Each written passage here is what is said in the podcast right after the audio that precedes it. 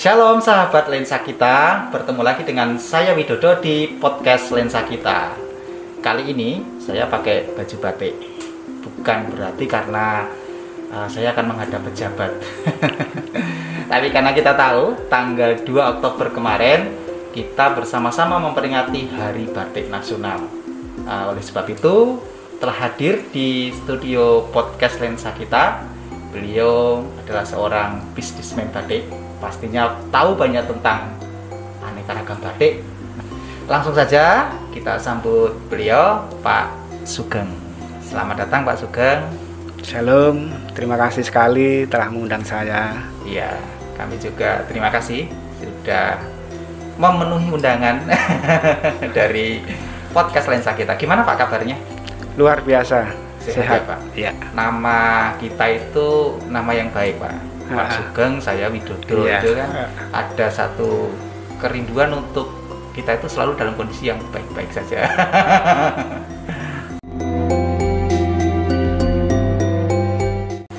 nah, sahabat lensa kita, tanggal 2 Oktober kemarin kita sudah sama-sama memperingati Hari Batik Nasional. Hari Batik Nasional ini diakui oleh dunia sejak tanggal 2 Oktober 2009 oleh UNESCO diakui menjadi salah satu warisan budaya kemanusiaan dalam bidang eh, apa namanya budaya lisan dan bukan berbentuk benda.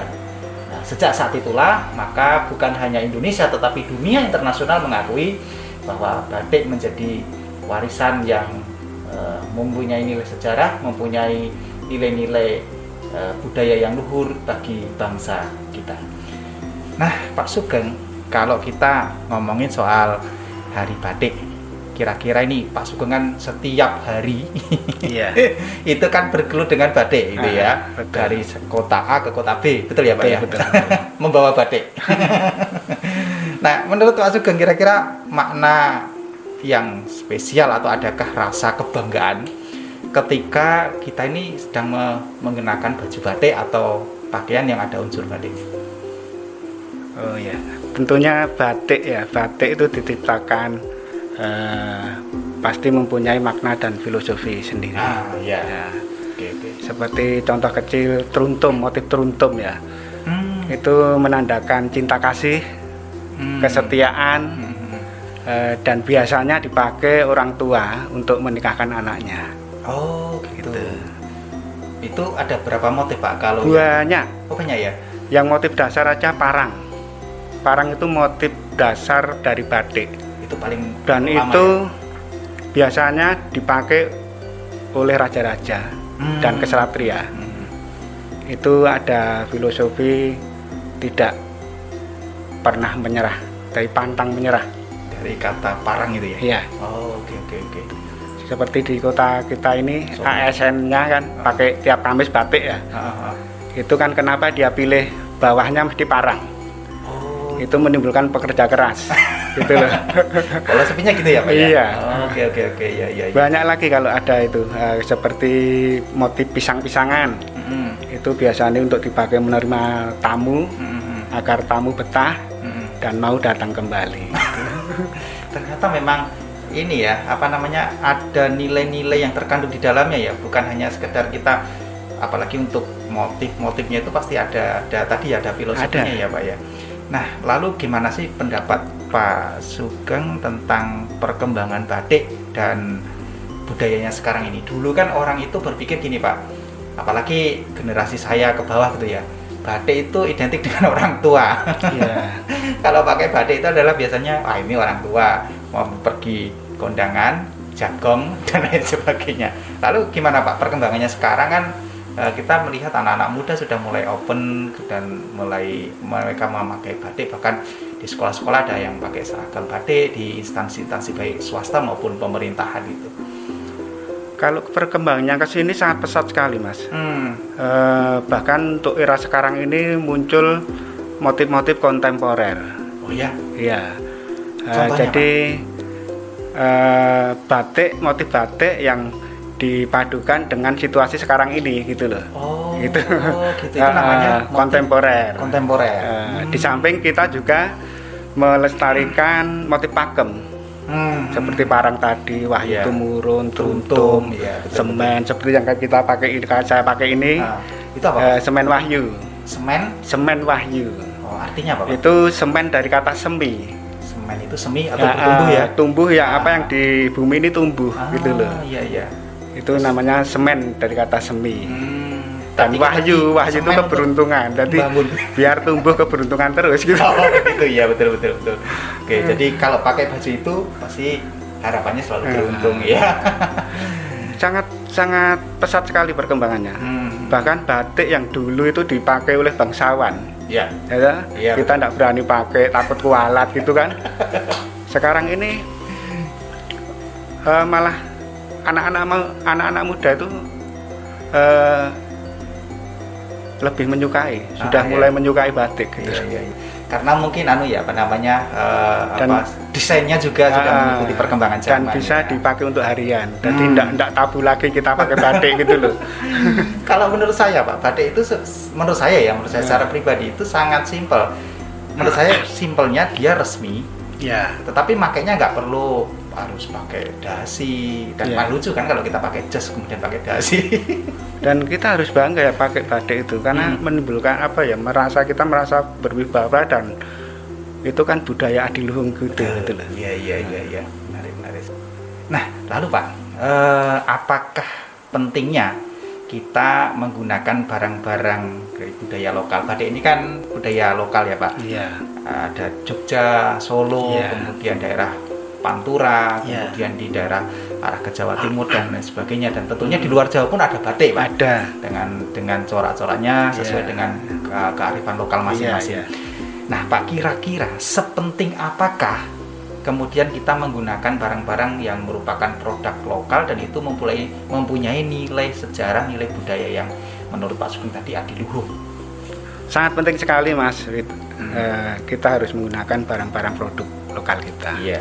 Itu salah satu upaya mencintai produk atau budaya bangsa kita ya.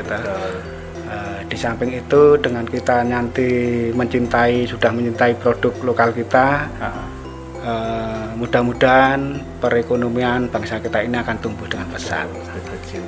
Karena banyak yang diuntungkan ya Pak. Iya. Pengrajin diuntungkan. Iya. Pedagang seperti Pak Sugeng juga diuntungkan gitu ya. Banyak saling keterkaitan. Nah, iya Memang kita menurut saya setuju sekali dengan pendapat Pak Sugeng sangat penting. Toh kalau kita melihat fenomena sekarang orang-orang dari luar negeri berdatangan ke Indonesia mereka mencari batik. Iya. Mereka juga bangga. Nah, apalagi kita Ya, mestinya gitu. harus lebih bangga lagi. orang luar saja berani mencintai Iya. apalagi kita ya kan malu kan Iya, gitu apakah kita hanya bangga ke ketika orang Nah, lain yang memakai, iya. tapi kita nggak mau memakai? Oke, iya iya iya.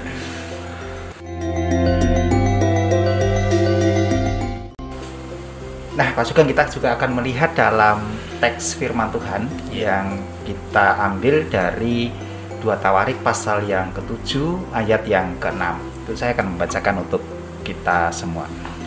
Para imam telah siap berdiri pada tempat mereka. Begitu pula orang-orang Lewi telah siap dengan alat-alat musik untuk memuliakan Tuhan. Yakni alat-alat musik yang dibuat Raja Daud untuk mengiringi nyanyian syukur bagi Tuhan bahwasanya untuk selama-lamanya kasih setianya. Setiap kali mereka ditugaskan Daud menyanyikan puji-pujian, dalam pada itu para imam berdiri berhadapan dengan mereka sambil meniup nafiri, sedang segenap orang Israel berdiri. Kalau kita melihat dari ayat ini bahwa eh, musik itu adalah juga produk kebudayaan. oke ya Lalu kemudian dipakai oleh Daud untuk apa namanya memuliakan Tuhan. Nah, kira-kira eh, tanggapan Pak Sugeng berkaitan dengan firman Tuhan ini secara pribadi Pak Sugeng meresponinya bagaimana Pak? Eh, dengan alat musik otomatis dia eh, nguri-uri budaya musik mereka. Hmm, dan bagi mereka mungkin eh, lebih mudah untuk menyampaikan pewartaan. Hmm, dan sekaligus eh, memupuk kecintaan budaya mereka. hmm. Tapi tentunya eh, ada batasan-batasannya Pak ya, Iya. yang tidak bertentangan Hmm, dengan betul. firman Tuhan, Betul, ya betul, kan? betul. Nah, eh, sama halnya tentunya dengan yang kita bicarakan ini adalah tentang batik itu ya. Iya. Batik itu kan adalah produk kebudayaan, produk apa namanya eh, budaya masa lalu Iya. bangsa kita. Betul. Dan kemudian kita juga bisa memakainya untuk kemuliaan Tuhan. Setuju nggak Pak kalau gitu? Kalau saya sangat setuju. Setuju ya. Itu salah satu juga melestarikan Iya. budaya. Jadi dapat dua-duanya Pak. Iya. Kita melestarikan budaya, kita juga memuliakan Tuhan, tapi harus tadi ingat ya, Iya. garis bawahi betul. bahwa Iya. ada batasan-batasan artinya yang tidak bertentangan dengan firman Tuhan gitu ya. Oke, setuju, setuju. Berarti kita sependapat ini Pak. Setuju sekali. Oke, nah menurut Pak Sugeng kita ini sebagai umat Kristen, umat yang percaya kepada Tuhan. Nah, apakah penting kemudian bagi kita untuk melestarikan budaya dan adat yang kita miliki untuk kemuliaan Tuhan? Eh, sangat penting sekali itu eh, se- karena apa itu rasa ungkapan kita Ya. sudah diciptakan sebagai makhluk yang mulia Hmm. dan berbudaya Hmm, hmm, hmm. gitu.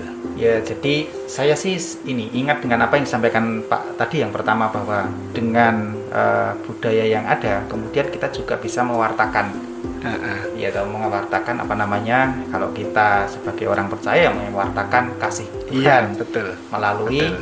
budaya yang Ah, ada, gitu ya. Kalau Daud tadi mela- melalui alat Alat musik, musik. kita juga bisa melalui batik yang kita pakai. Bisa bisa Bisa juga ya, Pak ya. bisa. Selain itu, Pak, adakah cara lain agar kita bisa melestarikan kekayaan yang dimiliki oleh bangsa kita dan menggunakannya untuk kemuliaan Tuhan? Oh, yang pertama kita harus eh, punya sikap mencintai Nah, setuju. eh, adat bangsa kita ini, Mhm. budaya adat dan bangsa kita ini. Terus perkenalkan adat dan budaya bangsa ini ke generasi muda. Oh, ya, ya, ya. Kalau generasi muda kita sekarang ini tidak dikasih tahu dari sekarang, ini loh budaya kita, ini loh batik kita, gitu loh. Hmm, Itu kan dia tidak akan mengerti. betul. Salah satu caranya ya tadi ya dengan memperingati Hari Batik. Iya. Kemudian apa kita mungkin ada cara lain, Pak? Harus Tapi- memakai batik setiap hari Iya. apa? Itu kalau saya kok kita pakai batik itu tidak harus Pas menunggu hari hari batik, gitu loh. Iya, setuju, setuju. Seperti gereja kita ini se- eh, sebetulnya bisa memelopori lah Mm-mm. untuk eh, mencintai kebudayaan termasuk batik kan, Ah. tinggalan Nadiluhung kan. Iya. Itu mungkin bisa ke kita pakai batik di minggu keberapa misalkan. Oh, gitu ya. Itu kan juga salah satu ya, salah satu kita ikut serta Ya, mempromosikan Eh, gitu juga ya, mencintai. juga mencintai ya. sekaligus bisa untuk memuliakan Tuhan. Jadi masukan untuk Bapak Ibu majelis dan hamba Tuhan. Jadi pakai batik pas ibadah itu bukan hanya Hmm. di hari batik saja. Mungkin bisa dijadwalkan Nah, ya. Minggu bisa keberapa kita harus pakai batik Iya. gitu kan. Misalnya di minggu kelima gitu ya, Iya. setiap minggu kelima semua dihimbau untuk berbatik. Iya. Nah, ini ide yang bagus itu. Belum lagi nanti kalau kemudian di instansi-instansi yang lain, kemudian mereka juga punya kebijakan yang Iya. sama itu pastinya akan jauh berbeda ya Pak. Semakin menumbuhkan Kalau di instansi lain saya rasa sudah sudah betul. sudah mulai Iya. sudah gitu loh. Sekolah-sekolah mereka ada Iya. ada Hmm. apa namanya pakaian eh, apa namanya identitas itu ada yang pakai Iya. batik ya. Ah. Nah, itu. Nah, jadi untuk gereja ini yang yang perlu Iya. mempelopori ya. Iya. Itu bukti gereja kita Cinta budaya. Cinta budaya. Iya. setuju, setuju. Oke.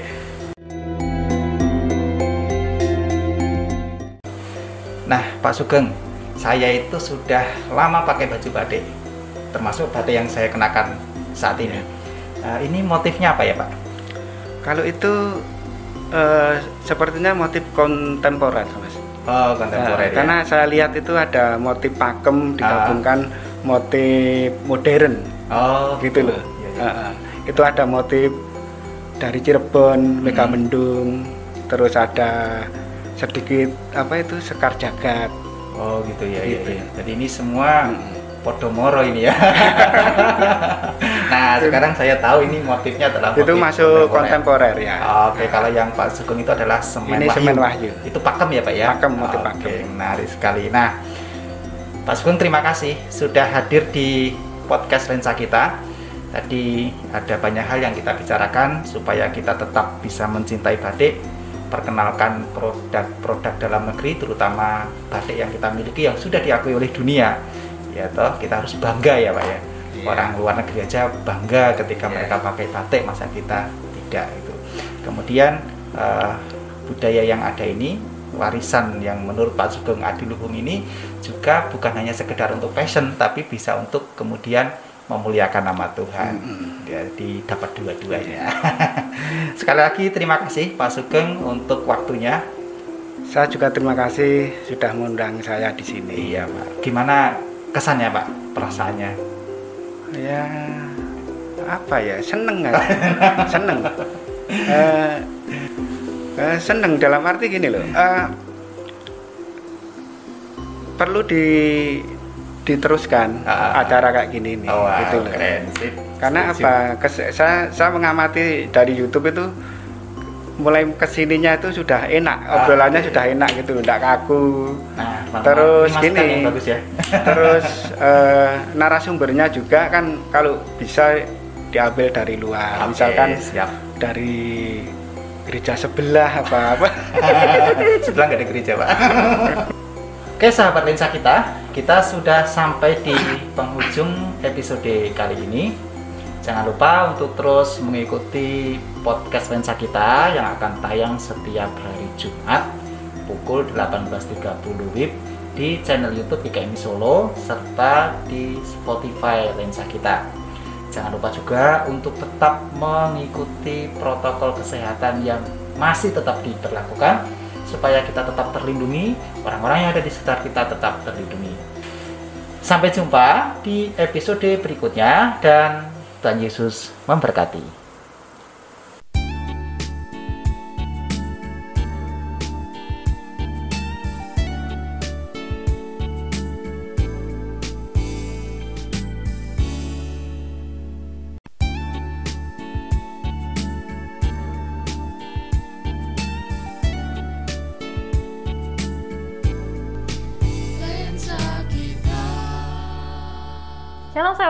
Kita, jumpa lagi dengan saya Eca di podcast Lensa Kita.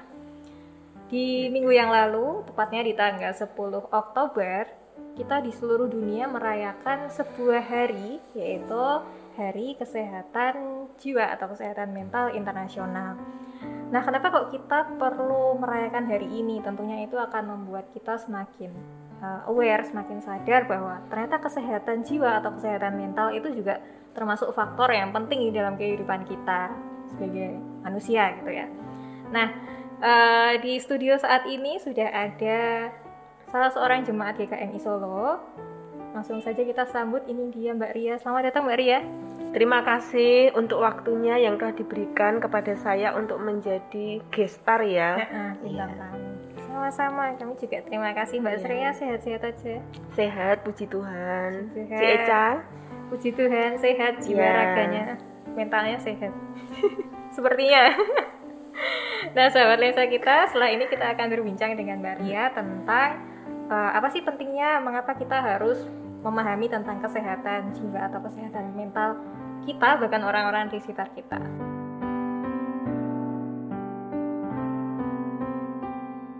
Nah, bagi sahabat lensa kita yang belum tahu, Mbak Ria ini dulu pernah belajar tentang ilmu psikologi ya, Mbak ya, waktu iya kuliah. betul. Pastinya masih ingat ya, ya, tentang Masih, teori-teori dan juga pasti seluk-beluk tentang psikologi gitu. ya, Apalagi kita ngomong soal kesehatan mental gitu ya. ya, Nah, ada eh, pepatah atau apa ya ini istilahnya itu mereka ngomong mensana in corpore sana. Di dalam tubuh yang sehat terdapat jiwa yang kuat. yang iya, Ya. Terus kalau misalnya aku balik juga itu sebenarnya saling berkaitan ya, Mbak. Iya, Kalau jiwanya sehat, tubuhnya pasti juga kuat. kuat. Nah, gitu. Berarti kayak itu sebenarnya tubuh dan jiwa, jiwa dan raga itu saling Saling berkaitan. saling berkaitan dan Iya. saling support satu sama lain gitu kan. Nah, menurut Mbak Ria nih, kenapa sih kok kita tuh ngomongin kesehatan mental itu adalah salah satu hal yang penting gitu loh. Apalagi di zaman sekarang ini. Nah, eh, begini Cik Eca, saya mau menjelaskan dulu nih tentang pengertiannya nih Hmm, untuk boleh. tentang kesehatan Kesehatan mental ya. kesehatan mental itu sendiri itu adalah perasaan sehat, Hmm. bahagia, Hmm. berpikir positif, Hmm. bisa menyesuaikan diri terhadap lingkungan atau sesama itu artinya Kesehatan, kesehatan mental sendiri. Nah, pentingnya untuk membahas kesehatan mental ini sangat penting sekali karena supaya kita seperti Ci Eca bilang tadi ya, lebih sadar Hmm. untuk diri kita sendiri nih. Supaya untuk mencegah supaya kita itu tidak mempunyai sakit gangguan mental begitu. Jadi kita lebih berhati-hati. Memang kadang itu sering diremehkan ya Hmm. dianggap sepele, tetapi itu ternyata berakibat Cukup fatal. cukup fatal. Iya, betul. Emang kalau misalnya istilah istilahnya apa ya Mbak Ria? Kebablasan gitu. Itu eh, risikonya tuh apa aja sih? Misal hal sepele gitu ya. Mm. Misal contohnya hal kecil itu kita kurang tidur gitu. Hmm. Itu kan menjadikan sistem tubuh kita itu tidak berfungsi dengan baik. Hmm. Jadinya kita mungkin nih dalam seharian beraktivitas kita itu tidak bisa melakukan aktivitas itu dengan baik. Hmm. Jadi kita merasa mungkin pikirannya kacau. Setelah itu mungkin kita menjadi emosi. Hmm. Itu bisa menyebabkan lama-lama menjadi gangguan mental itu Hmm. kalau kita tidak sadari. Hmm. Seperti itu. Caranya supaya kita sadar gimana? Apakah harus datang ke psikolog atau psikiater terus ikut tes gitu? Atau mungkin secara awam gitu kita bisa sadari sebenarnya wah aku kok malam sulit tidur atau misalnya aku nafsu makanku nggak terlalu banyak Nah. kayak aku misalnya Iya, iya. Itu bisa. Jadi memang kita sebenarnya sadar tetapi kita itu apa ya itu Sadar tapi namanya Ci Eca. Iya, sadar tapi enggak. kayak di luar batas kesadaran kita sebenarnya kita tuh punya ciri-cirinya tapi kita Iya. denying. Tapi kan kita nggak tahu. Mm-mm. Iya, tapi kita nggak tahu kalau itu itu ya itu tadi kebiasaan yang bi- apa sepele tetapi nanti kalau tidak dapat kita istilahnya apa namanya sendiri atasi Mm-mm. nanti akan berakibat buruk Oh, begitu. iya. Caranya gimana ya Ci Eca ya kita harus bisa misal emosi Hmm. kita bisa mengelola emosi kita seperti itu. Dan makan teratur Ya, gitu. Untuk emosi itu mungkin banyak orang yang bisa apa ya relate gitu ya. Ya kesehatan emosi kayak emosinya naik turun terus gampang meledak-ledak misalnya emosinya gitu. ya kalau gampang meledak-ledak emosinya nih Hmm. kita bisa menenangkan diri dulu. Hmm, memang ada orang yang temperamennya sangat tinggi tinggi sekali. Ya kita menenangkan diri dulu sejenak. Kita pasti turun itu emosinya dan bisa itu bisa meredam gitu ya. Ah, dan itu juga salah satu cara untuk mengenali diri kita sendiri ya, betul. Sebenarnya, koreksi diri Nah, istilahnya aku punya seperti ini, itu. terus aku tahu kiat-kiatnya begini sehingga bisa jadi pribadi yang lebih baik juga iya paling aware tentang kesehatan mental nah untuk di waktu sekarang ini mbak Ria Mm-mm. eh, terutama di anak-anak muda di generasi Z Mm-mm. itu kayak aku pernah ketemu orang di Twitter gitu ya dia masih eh, usia SMA awal atau enggak SMP akhir gitu usia usia Hmm. gitu terus dia tuh nge apa di Twitter tuh update status eh aku lagi depresi. Terus besoknya selamat tinggal teman-teman.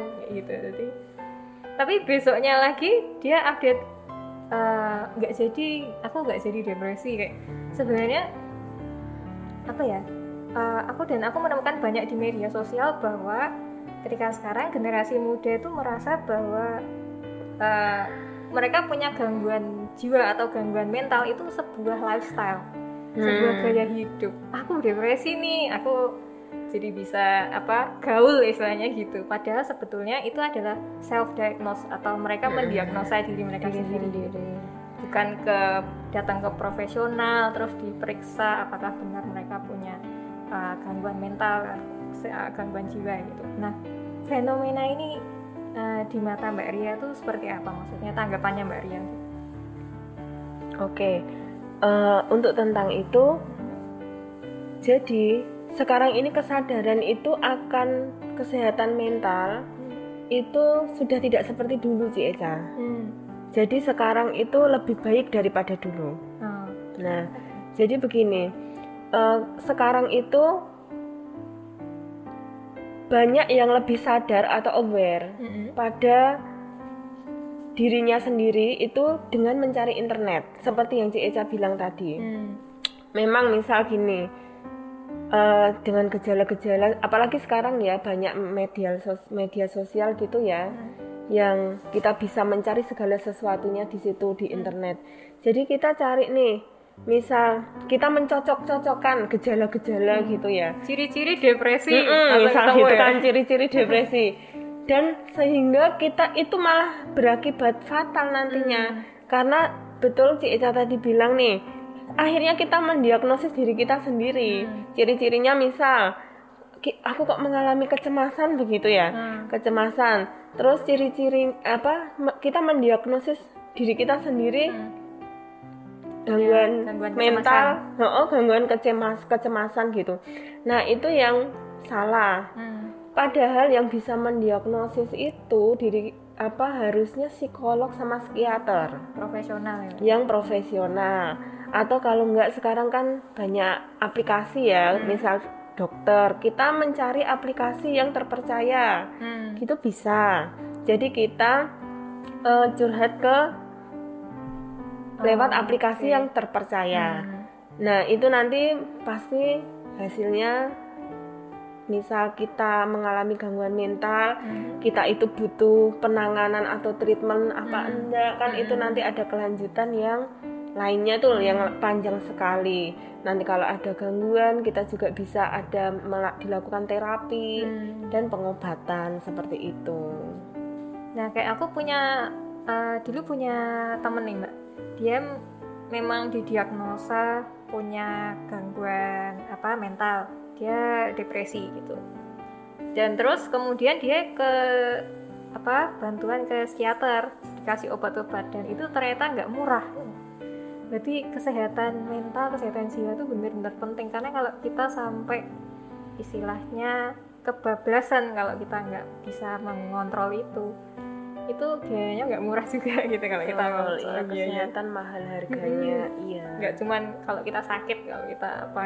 Jadi sebenarnya sakit eh, jiwa dan sakit raga itu mahal semua sebetulnya Iya, betul.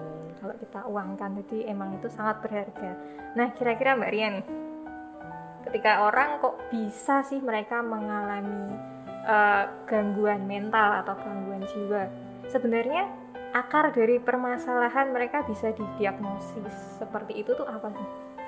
Jadi ada tiga faktor nih Ci Eca. Mm-mm.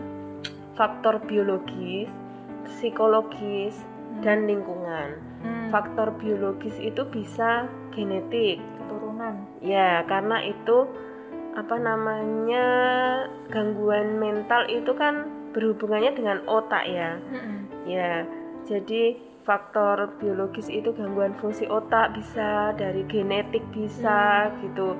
Kalau untuk faktor psikologisnya itu trauma, dia mungkin pernah mengalami trauma. Biasanya itu banyak misal anak-anak nih, anak-anak yang diterlantarkan Hmm. itu mungkin dia mempunyai trauma yang mendalam. Seperti itu. Faktor lingkungan itu contohnya misal sering terjadinya kekerasan.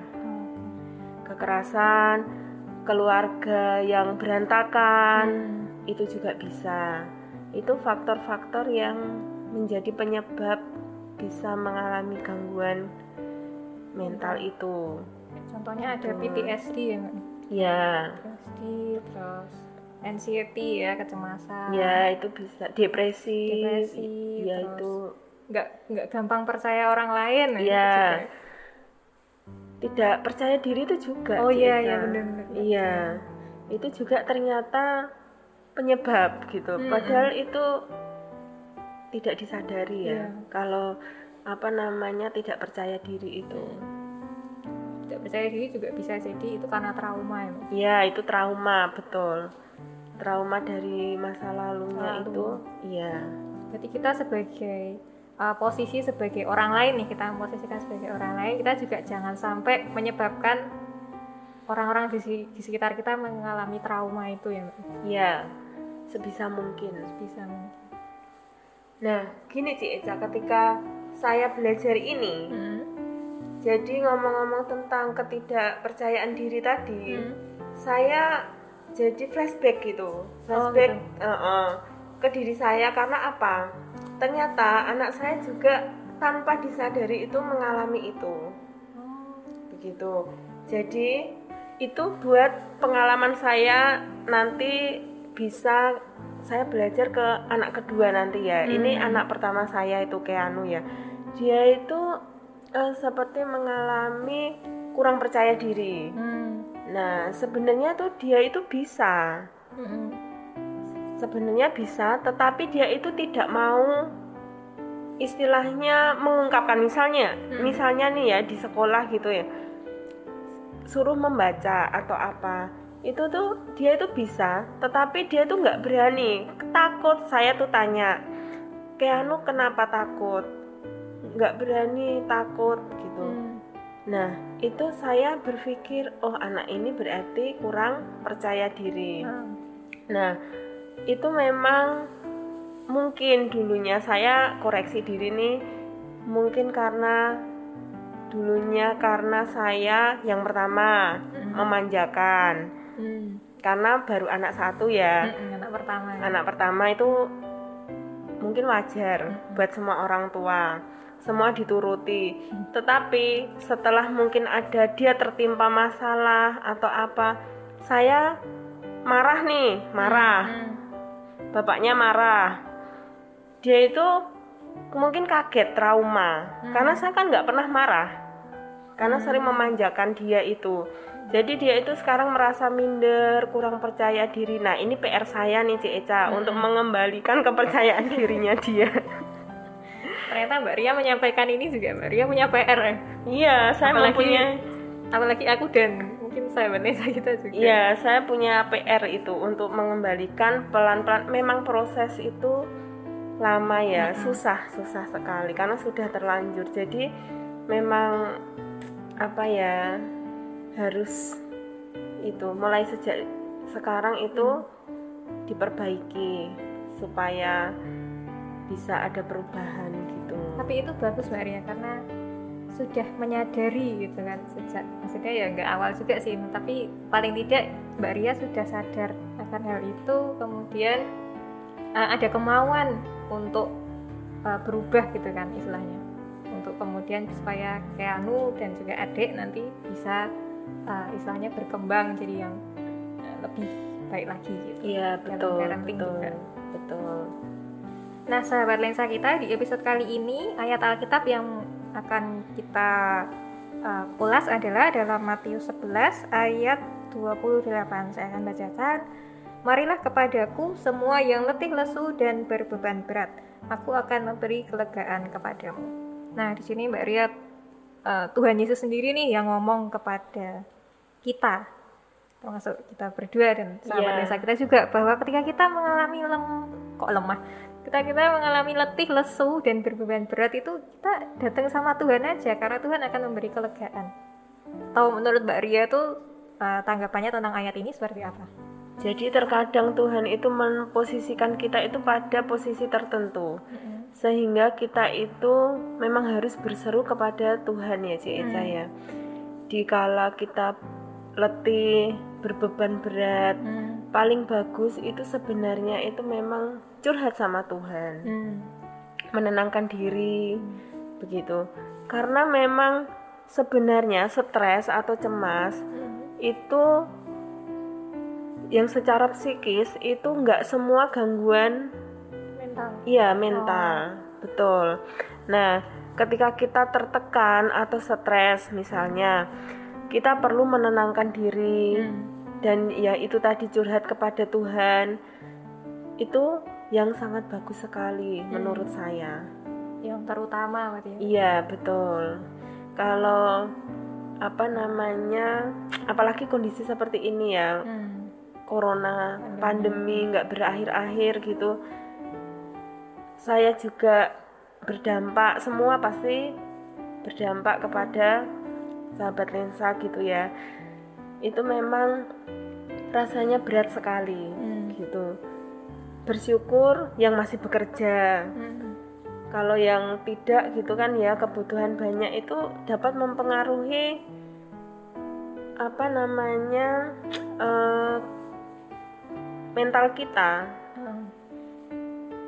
gitu jadinya eh, ketika kita mengalami itu ya kita harus memang datang kepada Tuhan berseru kepada Tuhan begitu Karena yang punya Memang. jawabannya juga cuma Tuhan ya. Iya nanti Tuhan akan memberikan hikmat ya Hmm. kepada kita dan jalan keluar iya terhadap masalah yang kita hadapi. betul betul percaya saja Hmm. Nah, iya Nah itu kan berarti kita harus berhikmat. Mm-mm. Kita harus punya istilahnya iman beriman yang kuat Mm-mm. kepada Tuhan. ya. Iya. Nah, Tapi kadang ketika kita membicarakan soal hikmat dan iman yang kuat dan kita kaitkan dengan kesehatan mental, orang-orang tuh eh, mungkin sampai sekarang juga masih banyak gitu ya yang Mm-mm. menganggap bahwa ketika seseorang didiagnosa bahwa dia punya gangguan kesehatan mental, kemudian yang keluar dari eh, mulut mereka adalah kamu itu karena kamu kurang bersyukur, karena kamu kurang dekat dengan Tuhan, kamu kurang banyak doa, kurang banyak ibadah, atau malah ayo tak bawa ke pendeta biar didoakan biar kamu bisa sembuh istilahnya gitu. Nah, sebenarnya apakah benar seperti itu? Istilahnya kayak eh, kalau kamu dekat dengan Tuhan pasti kamu tidak akan punya gangguan mental misalnya gitu. Eh, istilah kasarnya gitu ya, Mbak Ria. Atau seperti apa? Eh, sebenarnya enggak juga sih Eca. Hmm. Jadi itu beda. Mm-mm. Karena gangguan mental itu lebih ke otak ya. Mm-mm. Kalau beda maksudnya tapi memang ada kaitannya dengan iman di saat begini. Itu namanya pendekatan holistik sih Eca. Oh iya benar. Jadi, jadi begini, pendekatan keseluruhan itu lebih baik Mm-mm. gitu. Jadi memang kalau gangguan jiwa itu lebih ke otak. Mm-mm. ketika kita mengalami misal depresi itu tadi kecemasan itu tadi ya yang menyebabkan gangguan mental itu kita tahu nih datang kemudian datang nih ke psikolog. Mm. kita tahu kalau oh berarti ini saya mengalami kecemasan misal seperti itu. Terus saya di terapi nah kalau ada tambahan pendekatan holistik itu tadi keseluruhan itu lebih baik Paket lengkap. paket lengkap Mm-mm. iya jadi sudah apa namanya terapi obat Hmm. dan mendekatkan diri kepada Tuhan yaitu supaya iman kita kuat nah itu lebih bagus lagi seperti itu Berarti emang harus dua-duanya tuh lebih baik di apa ya? diseimbangkan gitu ya. iya betul Jadi nggak cuma ke psikiater, psikolog aja, tapi juga Iya. imannya yang diperkuat dan nggak cuma imannya yang diperkuat aja, tapi juga eh, meminta bantuan profesional. Gitu. Iya, iya betul. Kalau itu memang benar-benar mengalami gangguan mental yang Hmm. istilahnya itu ya parah, gitu Parah, ya, hmm. Cik Eca ya. Nah kita kembali lagi ke ayat yang tadi ya Mbak Irian, Mm-mm. Eh, bahwa Tuhan itu langsung ngomong ke kita nih, kalau kamu punya masalah, kamu punya beban berat dalam hidupmu, datanglah ke aku, curhat ke aku gitu. Mm-mm. Jangan curhat ke medsos atau curhat ke mungkin orang lain, bahkan Iya. orang yang salah gitu kan curhatnya, Betul, malah betul. dikasih saran yang nggak tepat, kurang tepat bagi permasalahannya. Nah, betul. Nah itu kan adalah salah satu gimana Tuhan itu uh, mengasihi kita. Tuhan ngasih uh, istilahnya bantuan gitu kan di dalam kehidupan kita. Nah di dalam pengalaman keseharian Mbak Ria, adakah pengalaman Mbak Ria yang bisa korel apa ya relate sama ayat ini dan mau Mbak Ria sharekan kepada sahabat lensa kita? Kebetulan Cik Eca, Hmm. saya itu masih bekerja. Hmm. Masih bekerja dari pagi sampai sore. Hmm. Sampai sore itu sampai rumah itu sudah mengurus rumah. Hmm. apalagi sekarang itu kan apa namanya sekolah online ya. Oh, iya. Jadi saya itu kerepotan dikala Keanu punya PR gitu, saya harus nunggu si kecil tidur dulu. Keanu kelas berapa? Kelas 1 Kelas 1 SD. SD. Jadi nunggu adiknya tidur baru bisa ngerjakan PR. Hmm. Nah, itu membuat saya itu terkadang memang tidak mudah dan jadi merasa saya itu sangat lelah gitu ya.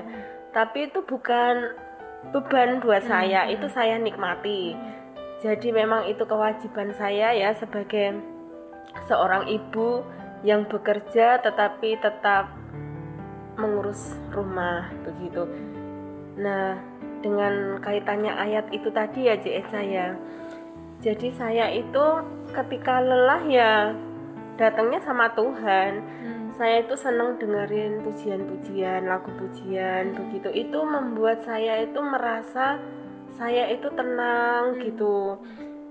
Kalau bangun pagi, aktivitas pagi saya senangnya ya dengerin lagu gitu dari YouTube atau apa lagu-lagu rohani itu membuat saya lebih tenang dan saya itu lebih bisa apa namanya eh, semangat ya menjalani itu tidak beban buat saya seperti itu setiap malam kalau anak-anak udah tidur itu saya sebisa mungkin itu menyempatkan diri untuk saya lebih berdiam diri Hmm.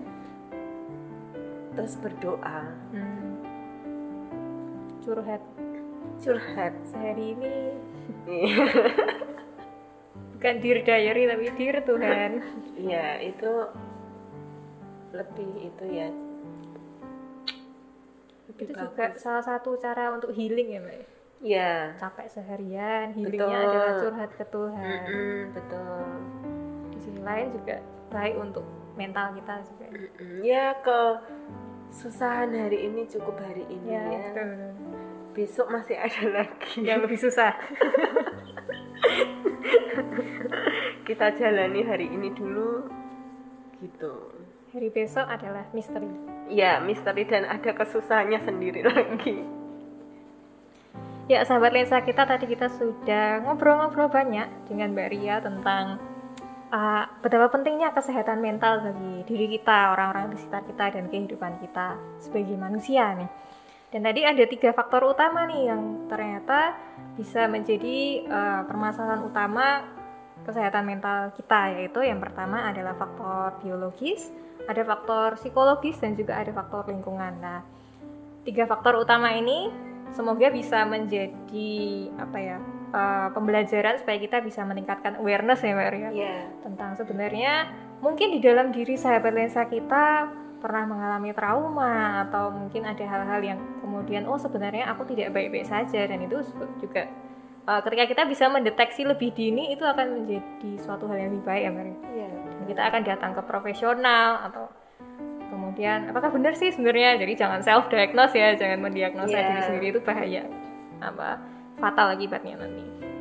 Dan ketika kita uh, sudah misalnya kita didiagnosa memiliki uh, gangguan mental otomatis kita harus punya kemauan nih untuk uh, istilahnya sembuh gitu ya Mbak Ria Iya. apa sih kalimat yang tepat ya? Pokoknya kita bisa ingin terbebas dari itu dengan cara kita mendatangi profesional juga kita ikuti prosedurnya terapinya obat-obatan dan jangan lupa untuk mengimbanginya dengan cara mendekatkan diri kepada Tuhan. Kita selalu minta perlindungan bimbingan Tuhan supaya juga di dalam proses kesembuhan ini supaya Tuhan bisa datang untuk menjamah dan juga hadir di tengah-tengah proses ini terima kasih Mbak Ria untuk kesediaannya sama-sama isi podcast lensa kita. ya Gimana persiapannya atau mungkin Mbak Ria persiapannya juga setelah anak-anak tidur waktu dengerin lagu rohani? iya betul Oh betul. Jadi ini datang dari Tuhan juga ya jawaban dari Tuhan berdoa malam. Terima kasih juga untuk sahabat lensa kita yang sudah setia menonton atau mendengarkan dari awal sampai akhir. Tetap patuhi protokol kesehatan, jangan lupa maskernya ke mana pun kita pergi, jaga kebersihan, jaga jarak dan lain-lain karena corona masih ada dan pandemi ini masih terjadi di eh, kondisi situasi kita sekarang ini. Dan jangan lupa untuk terus ikuti uh, podcast Lensa kita yang sekarang sudah berganti nih uh, jadwal kayaknya yaitu dua minggu sekali. Jadi sudah nggak setiap minggu lagi tapi dua minggu sekali. Tetap di YouTube DKMI Solo dan juga Spotify Lensa kita. Terima kasih, sampai jumpa dan Indonesia.